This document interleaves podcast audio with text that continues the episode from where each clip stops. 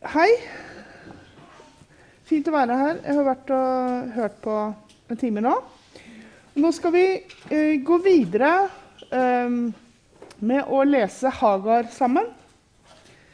Eh, og eh, jeg vet ikke om noen av dere har rukket å lese den, eh, det bokkapitlet som eh, er på pensumet deres, som jeg har skrevet om Hagar som en dårlig mor eller som et forbilde i tro.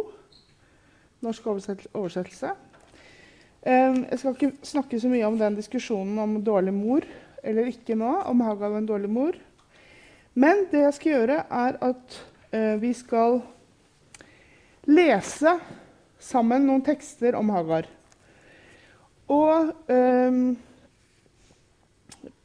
videre, den videre refleksjonen og analysen av de tekstene er bygget på denne boka, som jeg publiserte i fjor, som heter 'Gender Justice in Muslim Christian Readings'.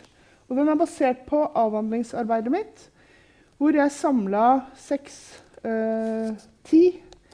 Eh, I utgangspunktet ti, men det var stort sett seks som var til stede. Kvinner eh, som var kristne og muslimske kvinner. Det var sunni- og shia-muslimer, og det var lutherske og katolske kristne, romersk-katolske kristne med forskjellig kulturell bakgrunn. Jeg samlet de for at de skulle lese og diskutere bl.a. disse Hagar-fortellingene som vi nå skal lese. Og hva skjedde da? Nå har vi, Dere skal lære om hellige tekster. Men hva er tekster uten en leser? Tekster uten en leser er ikke connected. Den fins, men den skaper ingenting. Det er leseren som leser teksten, som på en eller annen måte gjør at det skjer noe. Gjør at det skjer en tolkning, gjør at det skjer en forståelse, forståelse gjør at det kanskje skjer en diskusjon. En tekst uten en leser er som en fisk uten vann, eller noe sånt. Så eh, Hagar er jo en skikkelse som har en plass i både jødisk, kristen og muslimsk tradisjon, islamsk tradisjon, men en forskjellig plass. Og eh, Det ble også veldig tydelig i de diskusjonene vi hadde i gruppa. Men aller først nå så skal vi lese disse tekstene som er delt ut. Og jeg beklager at det ble så mange ark. Eh, noen av dere syns det var litt mange ark. Det er det. Men nå er de der ute. Og noen av disse tekstene har dere på pensumet deres. Eh, stemmer ikke det? Men den teksten som er eh, om eh, Hagar-fortellingen i eh, islamsk tradisjon, tror jeg ikke dere har på pensum. Nei. OK. Um, dette, eh, de ene to, to arkene er altså uh, utvalgte deler av Hagar-fortellingen i Genesis. Og det andre er en norsk oversettelse av Hagar-fortellingen i Hadith. Og Hadith vet dere hva er? Ja, det er fint. Jeg holdt et foredrag i Tønsberg i går, i Kirkeakademiet. Og da glemte jeg å fortelle i foredraget mitt hva Hadith var. Og jeg fikk enorme mengder spørsmål i pausen. Vi må forklare oss hva hadith er. Vi aner ikke det. Men det vet selvfølgelig dere. For dere går på kurs her. OK. Eh, jeg tenkte at jeg leser begge de tekstene høyt. Eh, og de er ganske lange. Men nå kan dere innstille dere på kildetekstmodus. For vi begynner der. Ok. Da leser jeg først Genesis-teksten, og så Hadid-teksten, eller Genesis-tekstene. Genesis 16, 1-16. Hagar og Ishmael. Sarai, Abrahams kone, fødte ham ingen barn. Men hun hadde en egyptisk slavekvinne som het Hagar. Sarai sa til Abraham, 'Hør på meg.' Herren har hindret meg å føde barn. Gå nå inn til slavekvinnen min, kanskje jeg får en sønn ved henne. Og Abraham hørte på det Sarai sa, Og Abrahams kone Sarai tok Hagar, den egyptiske slavekvinnen sin, og ga henne til kone for Abraham, mannen sin. Abraham hadde da bodd ti år i landet Kanaan. Han gikk inn til Hagar, og hun ble med barn. Men da hun oppdaget at hun var med barn, så hun ned på husfruen sin. Da sa Sarai til Abraham, 'Det er din skyld at jeg ble krenket.'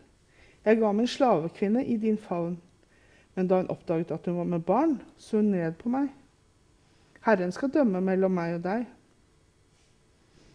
Abraham sa til Sarai, 'Se, slavekvinnen er i din hånd. Gjør hva du vil med henne.'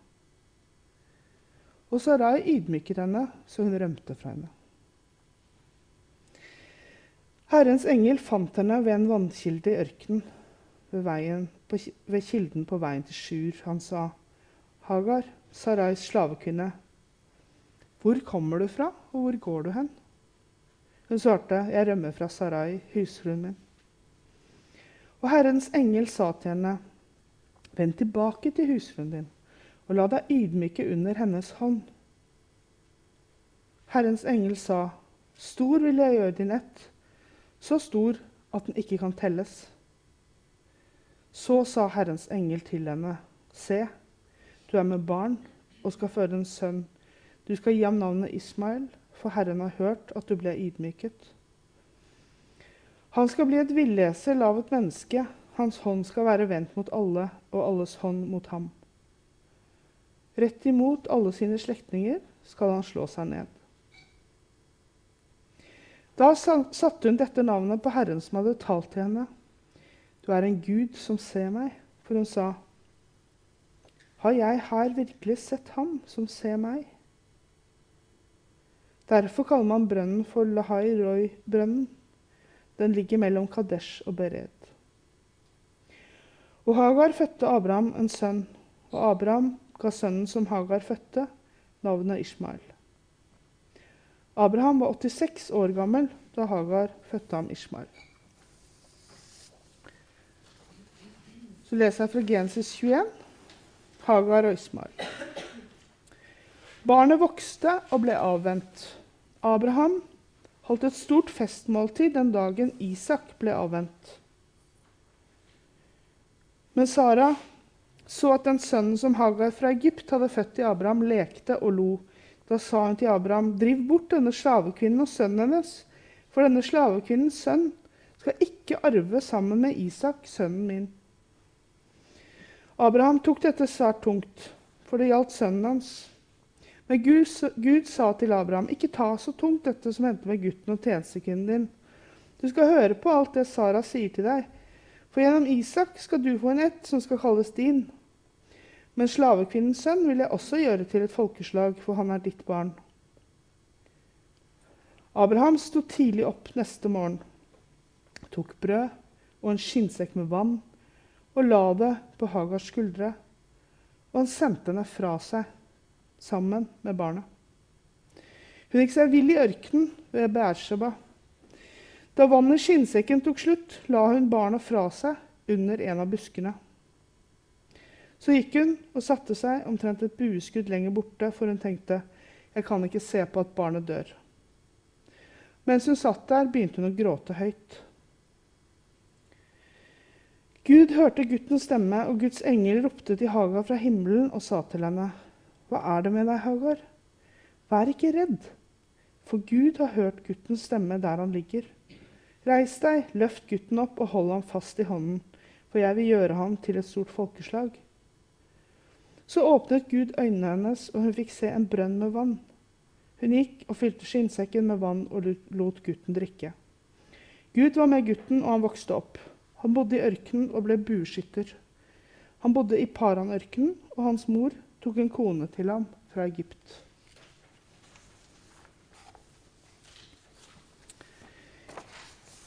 Så går vi til um, den andre teksten, som er fra uh, en hadith hos al-Bukhari Henvisningen står her.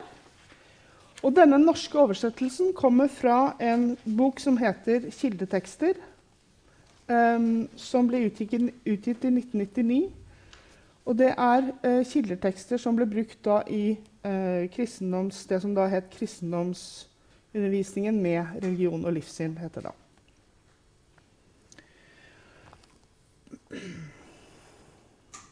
Ibn Abbas forteller etter profeten Mohammed. Ibrahim tok Ishmaels mor og sønnen, som en ennå ammet, med seg til et sted i nærheten av Kabaen, til under et tre der hvor Samsam ligger. Det er nå det høyeste stedet i moskeen. På den tiden bodde det ingen i Mekka, og det fantes ikke noe vann.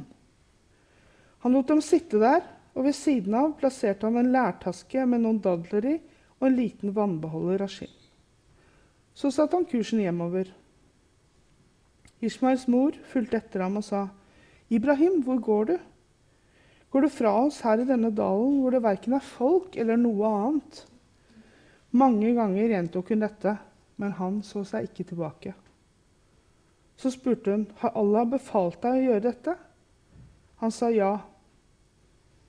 Da sa hun, 'I så fall vil han ikke svikte oss.' Hun vendte tilbake mens Ibrahim gikk videre. Og da han nådde passet, hvor de ikke kunne se ham, vendte han seg mot Kabaen, løftet begge hender, kalte på Allah og sa denne bønnen. Herre, jeg har bosatt en del av mitt avkom i en dal hvor intet gror. Ved ditt hellige hus, Herre, så de skal forrette bønnen. La menneskenes hjerter ha velvilje mot dem, og la dem få frukt å spise, og må de være takknemlige. Ismaels mor fortsatte å amme Ismael og drikke av vannet. Men da alt vannet i vannbeholderen var oppbrukt, ble han tørst, tørst, og barnet hennes ble tørst også. Hun så at Ismael led og skalv. Hun klarte ikke å se på ham og gikk bort, og fant at Safa var det nærmeste fjellet der. Hun gikk opp på det og søkte med øynene om det var folk i dalen, men hun så ingen. Da gikk hun ned fra Safa og da han kom ned i dalen, dro hun opp kjortelen og løp over dalen, fylt av nød og engstelse, til hun kom over på den andre siden og nådde fram til Marvafjellet. Hun stilte seg der og speidet i håp om å få øye på noen, men hun så ingen.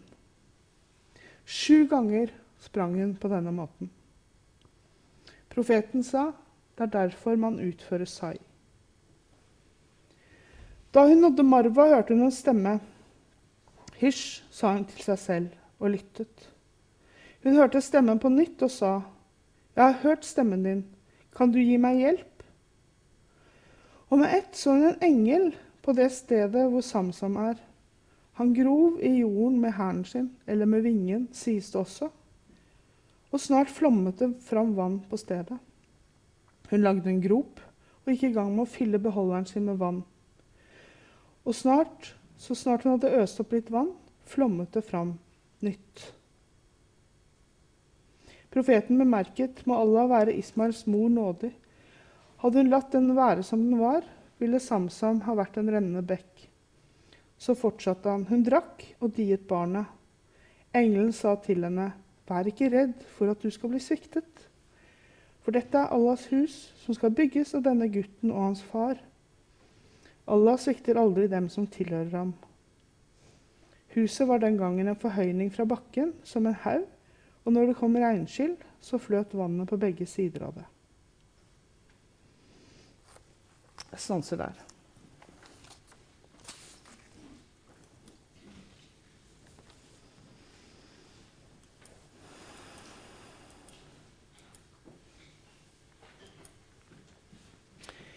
Vi har lest disse tekstene her, og i denne gruppa som satt og leste tekstene høyt. Og som dere merket, så tar det en stund. Det tar omtrent ti minutter å lese gjennom disse tekstene rolig.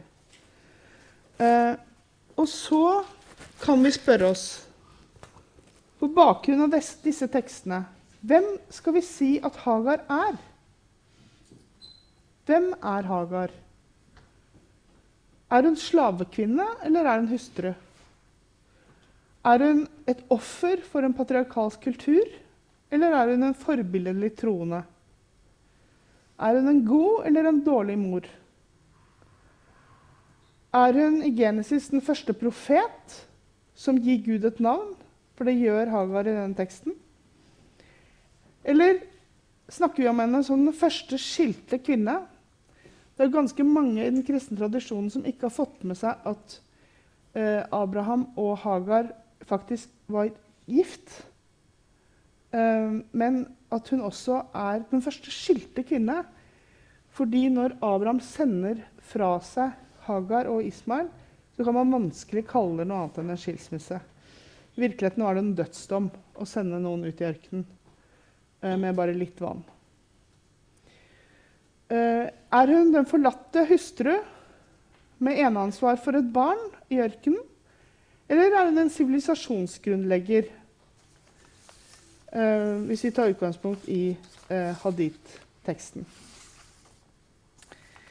Og i disse diskusjonene ble, i gruppa så ble Hagar eh, snakket om på alle disse måtene. Dere ser disse spenningene som kommer ut av tekstene.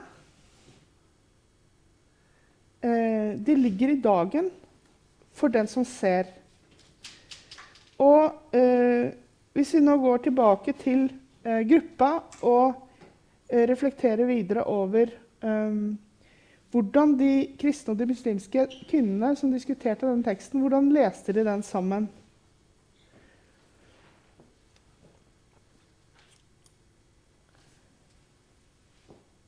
Dette er fortellinger. Fortellinger er kompliserte tekster å forholde seg til. Um, og en fortelling genererer alltid en ny fortelling. Fortellinger har den egenskapen at det er noe man lever seg inn i, som man enten kjenner seg igjen i eller ikke kjenner seg igjen i, og det produserer noe nytt. Og her har vi to forskjellige fortellinger som er like på en del områder og ulike på andre områder. Og hva skjedde da? Det jeg fant, var at de leserne, alle sammen, levde seg veldig tett inn i Hagars dilemmaer i teksten og i de forskjellige spenningene som jeg eh, ramset opp i stad. Og det de gjorde, var at de brukte lignende erfaringer fra sine egne liv, eller om ikke de hadde opplevd det akkurat selv, sine egne referanser eller egne ideer, til å reflektere over disse fortellingene. Og det gjorde de f.eks. i dette spørsmålet om Hagar var en god eller dårlig mor. Og dere vil finne det i, den, i det bokkapitlet at det det går på, er at Hagar i begge tekstene legger fra seg Ismail- når hun går og leter etter vann. Og eh, et par av kvinnene i denne gruppa sa det gjør ikke en mor. En mor ville aldri lagt fra seg eh, sitt barn og forlatt barnet for å lete etter vann på den maten. Og så oppsto uenigheten. ikke sant? Andre sa jo, det var nettopp fordi hun var en god mor at hun gjorde det. For hun måtte finne vann, ellers så ville gutten dø. Eh, og dette genererte en lang eh, og veldig, veldig opphetet diskusjon blant disse kvinnene. Og det er klart at Da brukte mange av dem sine egne erfaringer og refleksjoner over hva det er å være en god mor, inn i disse tolkningene.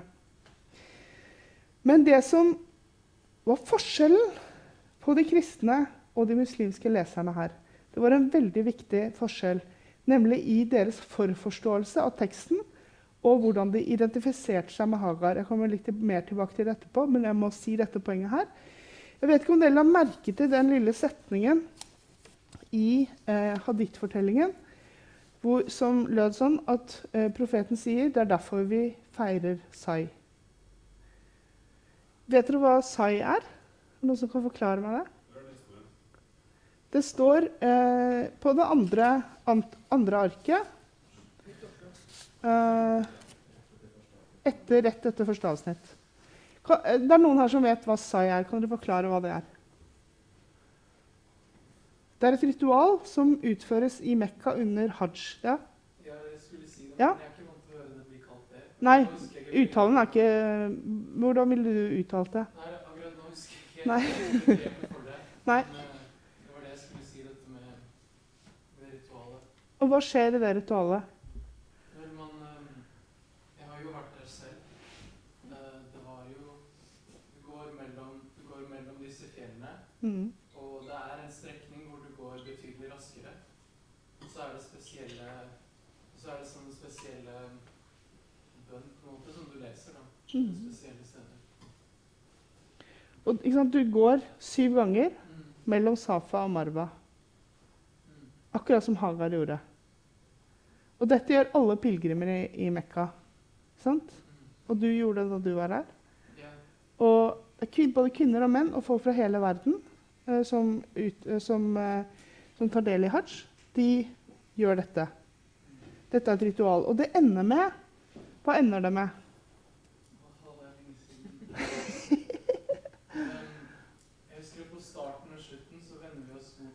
Mm.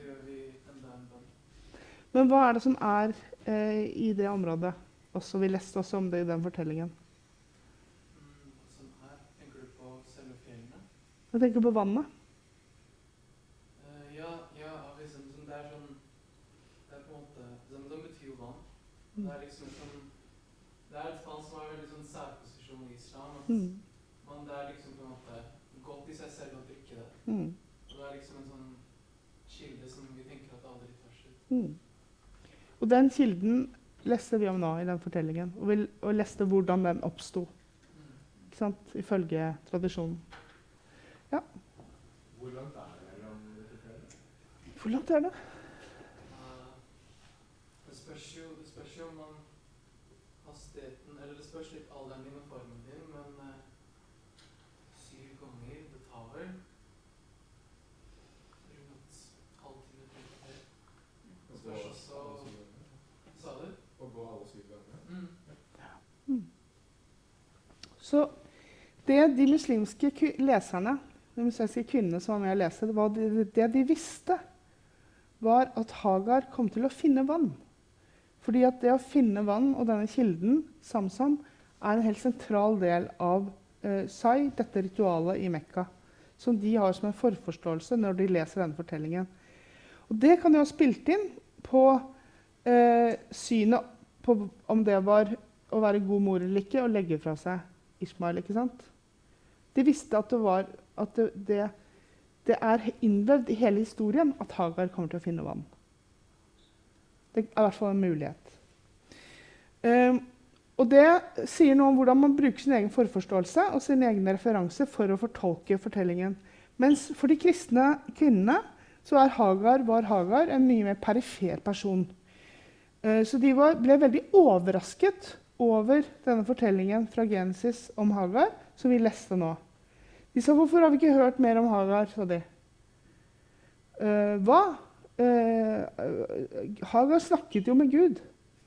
Hvorfor i all verden har vi ikke hørt om Hagar? Vi har bare hørt om Sara, sa de. Så um, Men det de gjorde, var at de levde seg inn i fortellingene.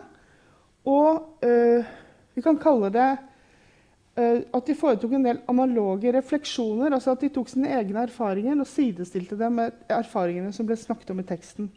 Og Dermed så blir jo tid og sted mellom nåtiden, hvor de faktisk sitter og leser tekstene, snakker om tekstene, og den tiden hvor teksten ble til, og, og, og selve fortellingen eh, kontekst. Eh, og i tillegg så har vi en annen dimensjon her. Det er jo at ingen vet hva som faktisk skjedde. Så? Det var noe førtekstlig her også. Så her er det mange gap og mange sprang i tid og rom. Men alt det forsvant når de levde seg inn i teksten. Og er det en måte vi kan forholde oss til tekst på? Det pleier å kalles for anokronisme. At du opphever tidens betydning, og så plasserer du noe inn i en tid hvor det ikke hører hjemme. Men eh, Marianne og jeg oppdaget jo for noen år siden en eh, kulturteoretiker som ikke heter Mike Bahl, som sier at du er nødt til å være frimodig i å lese tekster anakronistisk. Hvis ikke så tar du verken din egen tid eller teksten alvorlig. Dette er ganske interessant. Det burde vært en egen forelesning. For det betyr det at du bare kan tolke fritt dine egne erfaringer inn i teksten? Gjør det det? Eh, det det i hvert fall betyr, er at du skal vite at det er det du gjør, når du gjør det. Men disse leserne tok da tekstene veldig alvorlig og sine egne liv veldig alvorlig. Og de på en måte mye av tiden opphevde skillet mellom tid og rom. De muslimske leserne identifiserte seg veldig sterkt med Hagar-skikkelsen. Og det ble veldig tydelig når de kristne kvinnene, eh, noen av dem, sa at Hagar var en dårlig mor. Det eh, ville de ikke gå med på. Og når de kristne eh, leserne ble ganske aggressive egentlig, i hvordan de snakket om både, Hagar og, nei, både Sara og Abraham. De sa Abraham er jo en skurk i denne fortellingen. Og Sara er jo forferdelig. Og hva er det de gjør mot disse uh, menneskene? Jager dem ut i ørkenen for å dø. Um, og uh, dette uh, stemte ikke overens med det bildet de muslimske leserne hadde. De sa det at Hagar er ikke undertrykket. Abraham er ikke en undertrykker. Dette handler om helt andre ting. Og det, da har jeg lyst til å vise dere en bok som er helt fersk, som akkurat kom ut. Eh, som er skrevet av en som var eh, tilknyttet eh, UiO, nemlig Margareta uh, van Es. Som heter uh, 'Stereotypes and Self-Representations of Women with a Muslim Background'. Hun har gjort en studie i Norge og Nederland. Men det er en undertittel som jeg syns er veldig interessant her, som jeg skal sitere. 'The Stigma of Being Oppressed'. Hun finner at muslimske kvinner i de organisasjonene hun har studert, arbeider veldig hardt for å få fram et bilde av uh, seg selv som de føler stemmer overens med sine egne erfaringer. Og I det arbeidet så sier de at det å bli kategorisert som undertrykket er i seg selv et stigma. Det fungerer stigmatiserende. Og jeg tenker at hvis så mange muslimske kvinner sa dette til eh, Margareta, så er det jo en viss sjanse for at disse kvinnene som også var med i dette prosjektet, opplevde at når de identifiserte seg med Hagar, og Hagar ble kalt undertrykket, så protesterer de og sier dette stemmer ikke. Dette er ikke riktig. De kristne kvinnene brukte fortellingen om Hagar fra Genesis eh, særlig som et negativt speil, kan vi si. De leste det som en fortelling om en kvinneundertrykkende patriarkalsk tid. At Abraham var uh, fortellingens skurk sammen med Sara. De var overrasket som jeg sa, over at de ikke kjente Hagar-fortellingen før og ikke hadde hørt om Hagar. Og de sa at nå er det heldigvis annerledes. Nå eksisterer ikke denne type undertrykking av kvinner. Verden har gått framover, sa de. Så da brukte de teksten som en slags bekreftelse på at verden hadde gått framover for dem. Um, og uh, de var opptatt av å løfte fram uh, Hagar uh, og si det at vi har undertrykket Hagar men nå må det bli en slutt på det. Så hadde vi en kristen leser med gruppa som hadde en afrikansk bakgrunn. Så hun hadde også en annen kulturell, eh, eh, kontekstuell bakgrunn i tillegg til sin norske bakgrunn. Hun sa at eh, dere hørere si det at dette ikke skjer i dag, men det gjør det. Det skjer bare et annet sted. Det skjer ikke her. Men jeg vet at det skjer at eh, eh, kvinner eh, gjør hva som helst for å få barn. Eh, at eh, slavekvinner eh, blir brukt som surrogatmødre. At en mann har flere koner og ikke greier å behandle dem ordentlig. At kvinner og barn blir sendt på flukt uten mulighet til å klare seg eh, trafficking. Hun sa dette skjer i dag. Men dere ser det ikke fordi det ikke skjer akkurat der hvor dere er. Og det Hun gjør da, det er at hun trekker inn andre signifikante kontekster i tolkningen av teksten. ikke sant? Hvis man sitter og leser det med primært et blikk på den norske mainstream-konteksten, så ser man ikke dette. Men hvis man trekker inn andre steder, andre kontekster, så ser man at teksten plutselig betyr noe annet. Får en annen viktighet. Det var nesten at hun brukte et sånn interseksjonelt perspektiv, da, eller kanskje en erfaring, til å si at det er ikke så enkelt som det ser ut her, det er mer komplekst enn som så. Ja, altså Hun brukte et interseksjonelt perspektiv, men hun brukte også et transkontekstuelt perspektiv. Altså at Man må også se på flere steder. Hvilke steder er det som teller? Når vi tenker gjennom hva som er viktig i denne teksten. Er det liksom Oslo vest? Eller er det litt større enn det? Vi møttes på Blindern alltid i disse gruppene. ikke sant? Er det Blindern-området som er liksom det vi skal se eh, teksten gjennom? Er det de brillene vi skal ha på? Eller skal vi ta med litt mer?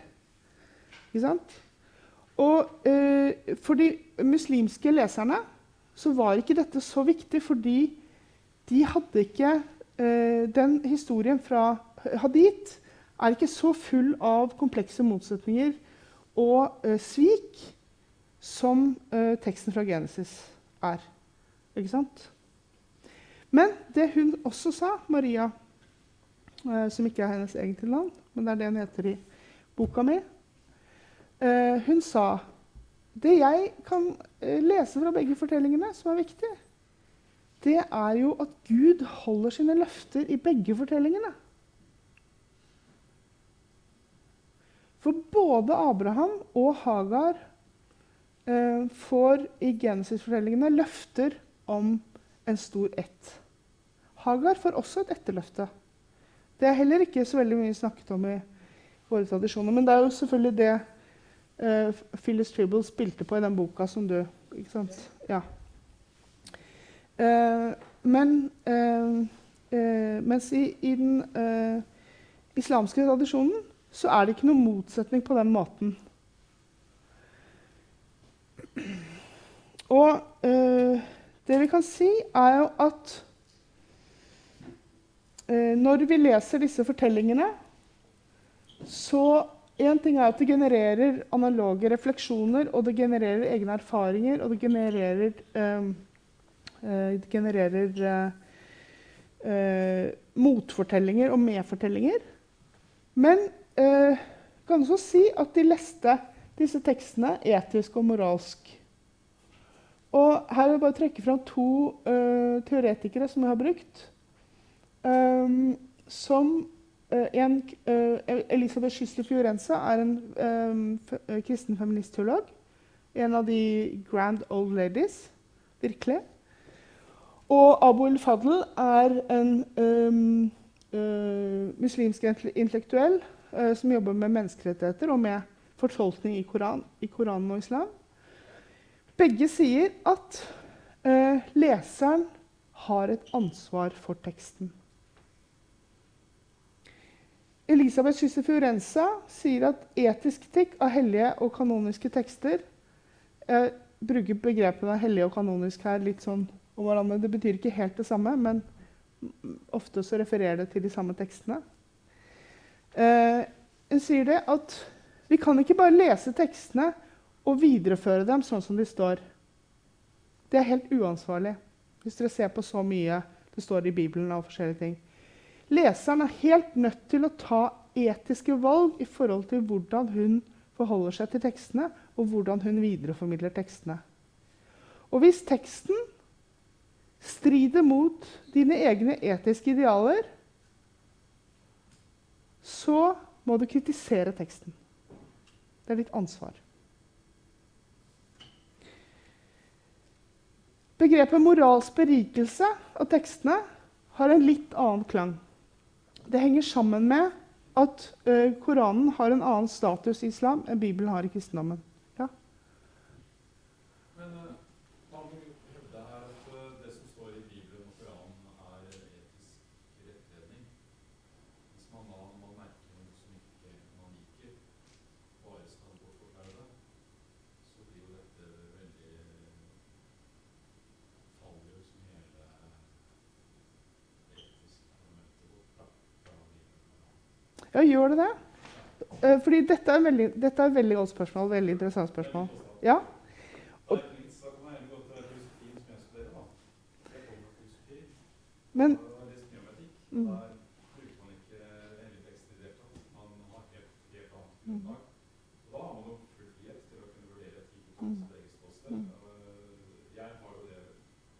om etikk.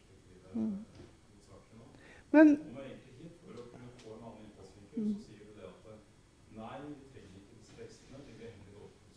Nei, nei, jeg sier ikke det. Jeg sier etisk kritikk. Sier Elisabeth Skyssen Fiorenza er leserens ansvar i forhold til hele tekster. Og jeg tenker Etisk kritikk av tekster må jo være også helt sentralt i filosofien. Er det ikke det? Altså filosofiske tekster. Jo absolutt. Men eh, man er så fri til å vrake dem når som helst. Uh, ja, men det gjør hun òg. Ja, da, altså, da mener jeg da, altså, da faller liksom hele listen med tekster. Nei. Det gjør ikke det. Fordi det betyr arbeid. betyr Det Det betyr ikke vraking, det betyr arbeid. Det betyr tolkning, det betyr eh, å arbeide med språk, med teori, med egen oppfatning. Og så spørs det litt hvordan du jobber. ikke sant? Hvis du f.eks. er en religiøs leder, en prest eller en annen som skal fortolke tekstene, så handler det om fortolkning. Fordi det, det som er poenget her, det er at leseren eh, Jeg sa i stad at hva er en tekst uten en leser? Og nå kan jeg si hva er en leser uten et ansvar? Ikke sant?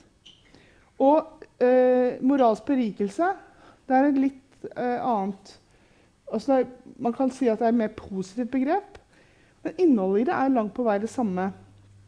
Abul Fadl sier det at i Koranen selv så finner man at den legger et ansvar på leseren.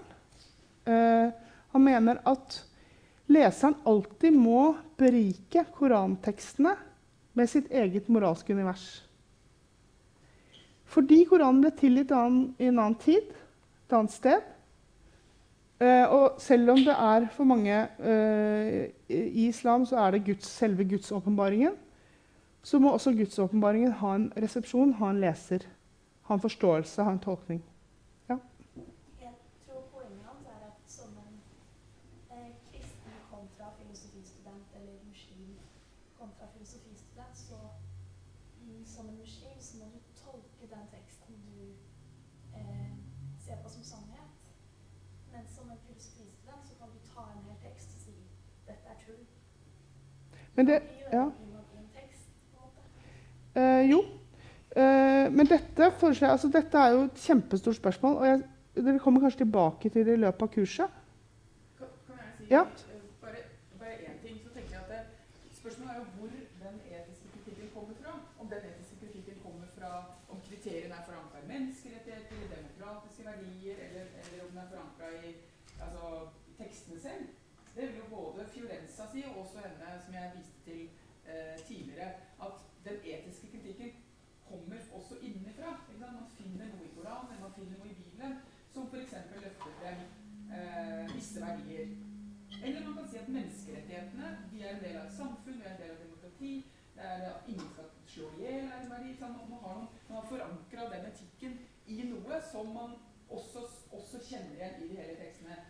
Bare for å svare på det, det er ikke det at den etiske kritikken kommer fra et helt annet sted som ikke har noe med de hele tekstene å gjøre. Den kommer gjerne fra fortolkning av hellige tekster. Andre eh, kapitler, andre vers. Og for Fiorenza så er det den som jeg viste dere, Galateren 328. Hun mener at det er kriteriet. Der starter all den etiske kritikken. Her er det ikke gjøre regler for deg. Der begynner Så Det er ikke det å si at teksten ikke er gyldig, det er bare å forta, som han Hege sier, ta fortolkningsarbeidet på alvor. Mm. Det er rett og slett det det handler om. Ja, det er det det handler om. Og det var jo alle, alle kvinner som var med i dette prosjektet her, var enige om én ting. Og det var at det, man kan ikke lese en tekst uten å tolke den bevisst eller ubevisst. Du er en leser. Um, og det er jo det at du er en leser som fortolker en tekst, som gjør at det overhodet skapes mening. Og så blir spørsmålet hva gjør man med motsetningene? Hva gjør man med spenningen i tradisjonene? Hva gjør man med spenningene mellom disse tekstene og våre liv? Våre erfaringer, våre meninger, våre etiske standarder? Det er der jobben ligger. Sånt? Og så gjør man det på en annen måte i filosofi enn man kanskje gjør det i disse studiene. Men det er også en god del likheter, tenker jeg. faktisk. Og filosofien har jo også vært helt nødvendig inn i fortolkningsarbeidet som er etablert i teologi. Og islamsk teologi har jo tradisjonelt sett et enda nærmere forhold til filosofien enn den protestantiske teologien har, vil jeg si. Men dette er spennende, og det er her det virkelig er, er spennende. ikke sant? Så øh, Nå må jeg slutte, ja. Eh, men jeg må ha det siste bildet. Eh, bare to øh, minutter. Fordi altså, Hvorfor skal man lese tekster sammen? Eh, hvorfor i all verden skal kristne og muslimer lese tekster fra Bibelen og Koranen og Hadith sammen? Det er ikke så vanlig å gjøre det, dessverre. Men jeg tenker jo det. Hvis man ikke er muslim og skal forstå Koranen og Hadith, eh, så har man jo ikke tilgang til hele konteksten eller forhistorien eller hvordan teksten lever, hvis man ikke er i et muslimsk miljø eller har muslimske venner eller kan snakke med lesere om hva tekstene betyr, hvordan de fungerer. Så uh, man kan lese sammen for å forstå et større bilde. Sånn som disse to forskjellige Hagar-fortellingene. Man kan godt si at Hagar-fortellingen fra den is islamske tradisjonen fortsetter på mange måter der den slutter i Genesis. Det er kjempeinteressant. Hagar og Ishmael blir skrevet ut der. Og så blir de skrevet inn i den islamske tradisjonen. Så forstår man et større bilde. Og så har jo tekstene relasjoner til hverandre historisk og nåtidig. Og det rekker jeg ikke å si noe mer om, men det er fryktelig spennende. Uh, Hvor kommer denne teksten fra i hadith? Og så er det da uh, mitt hovedpoeng, og det er å bli kjent med den andres tekst, eller tekst fra en annen tradisjon, gjennom leseren, gjennom leserne. Det er da det virkelig åpner seg. For en tekst uten en leser er ikke til å bli klok på. Det er min påstand. Da slutter jeg. Tusen takk.